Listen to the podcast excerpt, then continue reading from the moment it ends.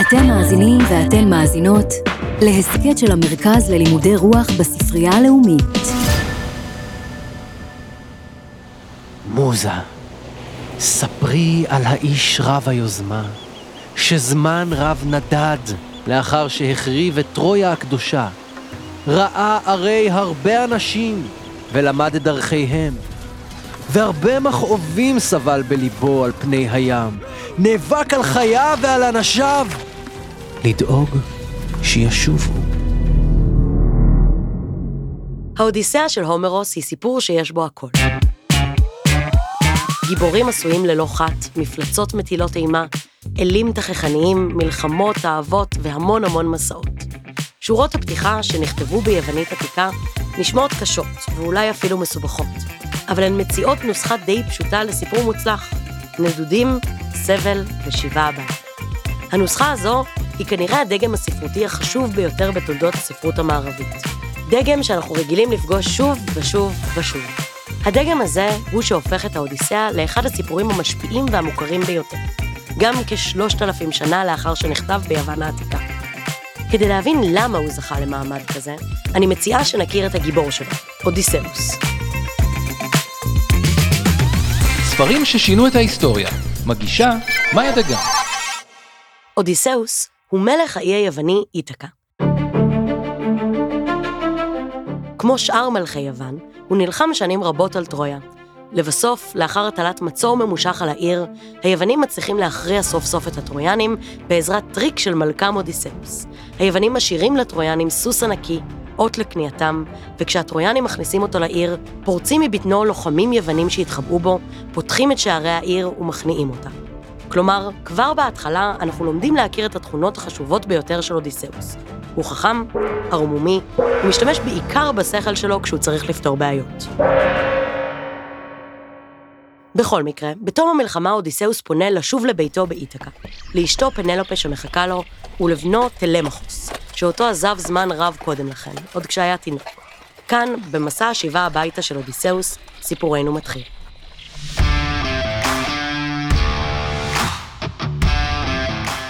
במהלך המסע, אודיסאוס פוגש בערך כל מפלצת שמתגוררת באיי יוון. הוא מתמודד עם קיקלופ אוכל אדם ענקי שכולא אותו ואת כל המלחים, שט ליד הסירנות, ששירתן המתוקה מפתה מלאכים תמימים להתקרב אליהן רק כדי שיטרפו אותם, ומפליג בין המפלצת סקילה בעלת ששת הראשים הרעבים, ובין המערבולת מרסקת הספינות, קריבדיס.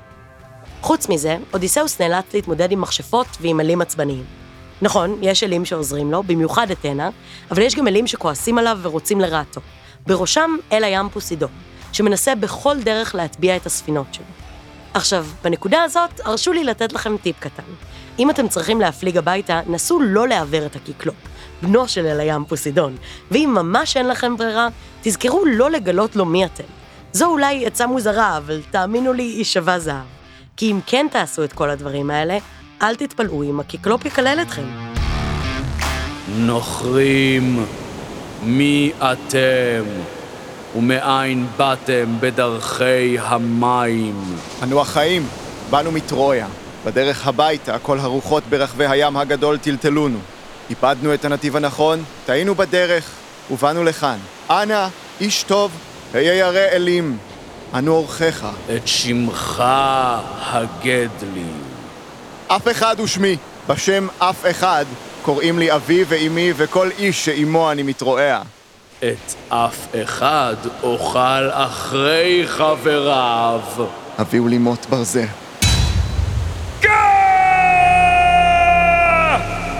אני עיוור! אף אחד עיוור אותי!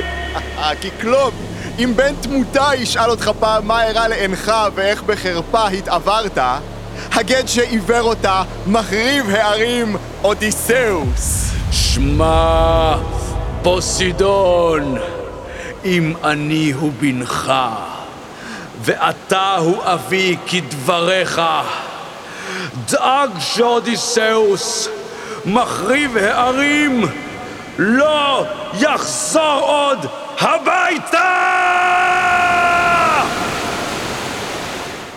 אני ממש לא הולכת לספיילר לכם את כל האודיסאה, אף על פי שבינינו עברו כבר שלושת אלפים שנה, היה לכם מספיק זמן לקרוא עד הסוף. אני רק אגיד שהקללה של הקיקלופ די מתגשמת. אמנם בזכות עורמתו וחוכמתו, אודיסאוס מצליח בסוף לגבור על כל הסכנות והאתגרים במסע, אבל גם אם הוא שורד, שאר הצוות שלו לא ממש. חלקם זכו להפוך לחזירים, חסרי המזל שבהם נאכלו על ידי מפלצות שונות, ויש גם מי שסתם טבעו בים. העניין הוא שגם אחרי שאודיסאוס מצליח סוף סוף לחזור לאיתקה, הצרות לא נגמרות. אחרי 20 שנה העניינים באי ממש לא נשארו כפי שהיו. אודיסאוס מוצא את הבית שלו שורץ במחזרים שמבקשים לשאת את אשתו פנלופה. כדי להצליח להיכנס הביתה בלי שהמחזרים יהרגו אותו, הוא נאלץ להתחפש לקבצן, ואפילו פנלופה לא מזהה אותו בתחפושת הזו. בטח לא אחרי כל השנים שעברו. נוכרי, אני אתחיל ואשאל אותך קודם. מי אתה, ומאין, והיכן עירך והוריך? גברתי, אנא ממך, שאלי אותי בביתך כל מה שרצוי לך, אך אל תחקרי על אודות מוצאי וארצי, מחשש שעל נטל הכאב בליבי עוד תוסיפי כשאזכר. אני מלא צער וכאב, אין צורך שאתיישב בביתו של אחר כדי להתייפח ולהענק. הרי מגונה לקונן ללא הרף. ובכל זאת, הגד לי מי הולידך ומאין הגעת. הרי לא צמחת מעץ אלון אגדי או מאבן. אשתו הטובה של אודיסאוס בן לארטס, שוב את שואלת מה מוצאי ואינך מוותרת. את מכאובי כך תחמירי, ואף יותר ממה שכעת.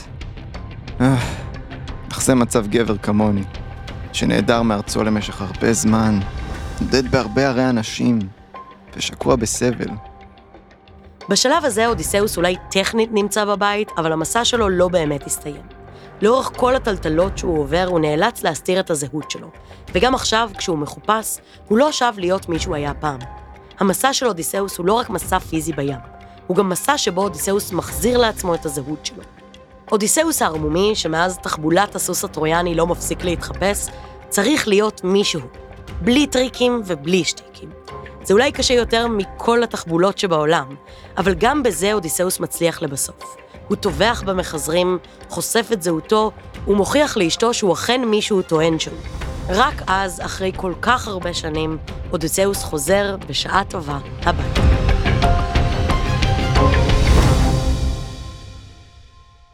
ובכן, הסיפור הזה, כמו האיליאדה, המספרת על מלחמת טרויה עצמה, כובש את יוון יותר מהר משתספיקו להגיד איתקה.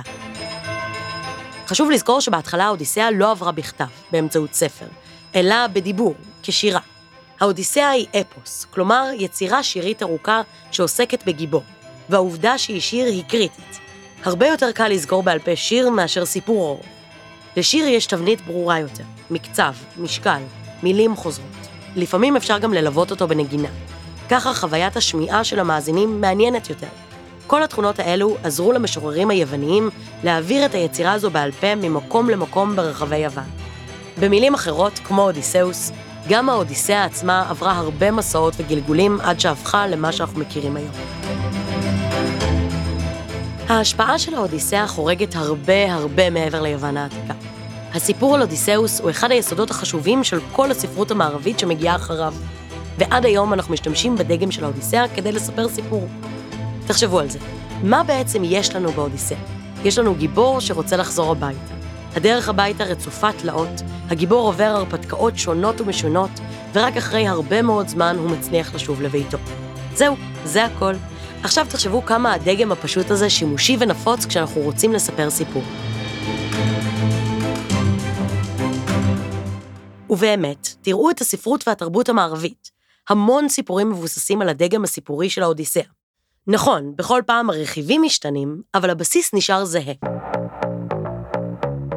האודיסאה שכותב ג'יימס ג'ויס מתרחשת במהלך יום אחד בלבד, בעיר אחת בלבד, דבלין.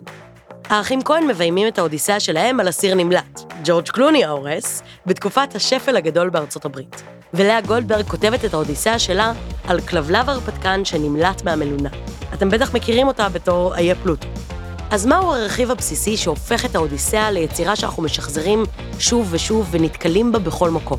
ובכן, תחשבו מה באמת עומד בליבה של האודיסאה. מי הגיבור האמיתי שלה?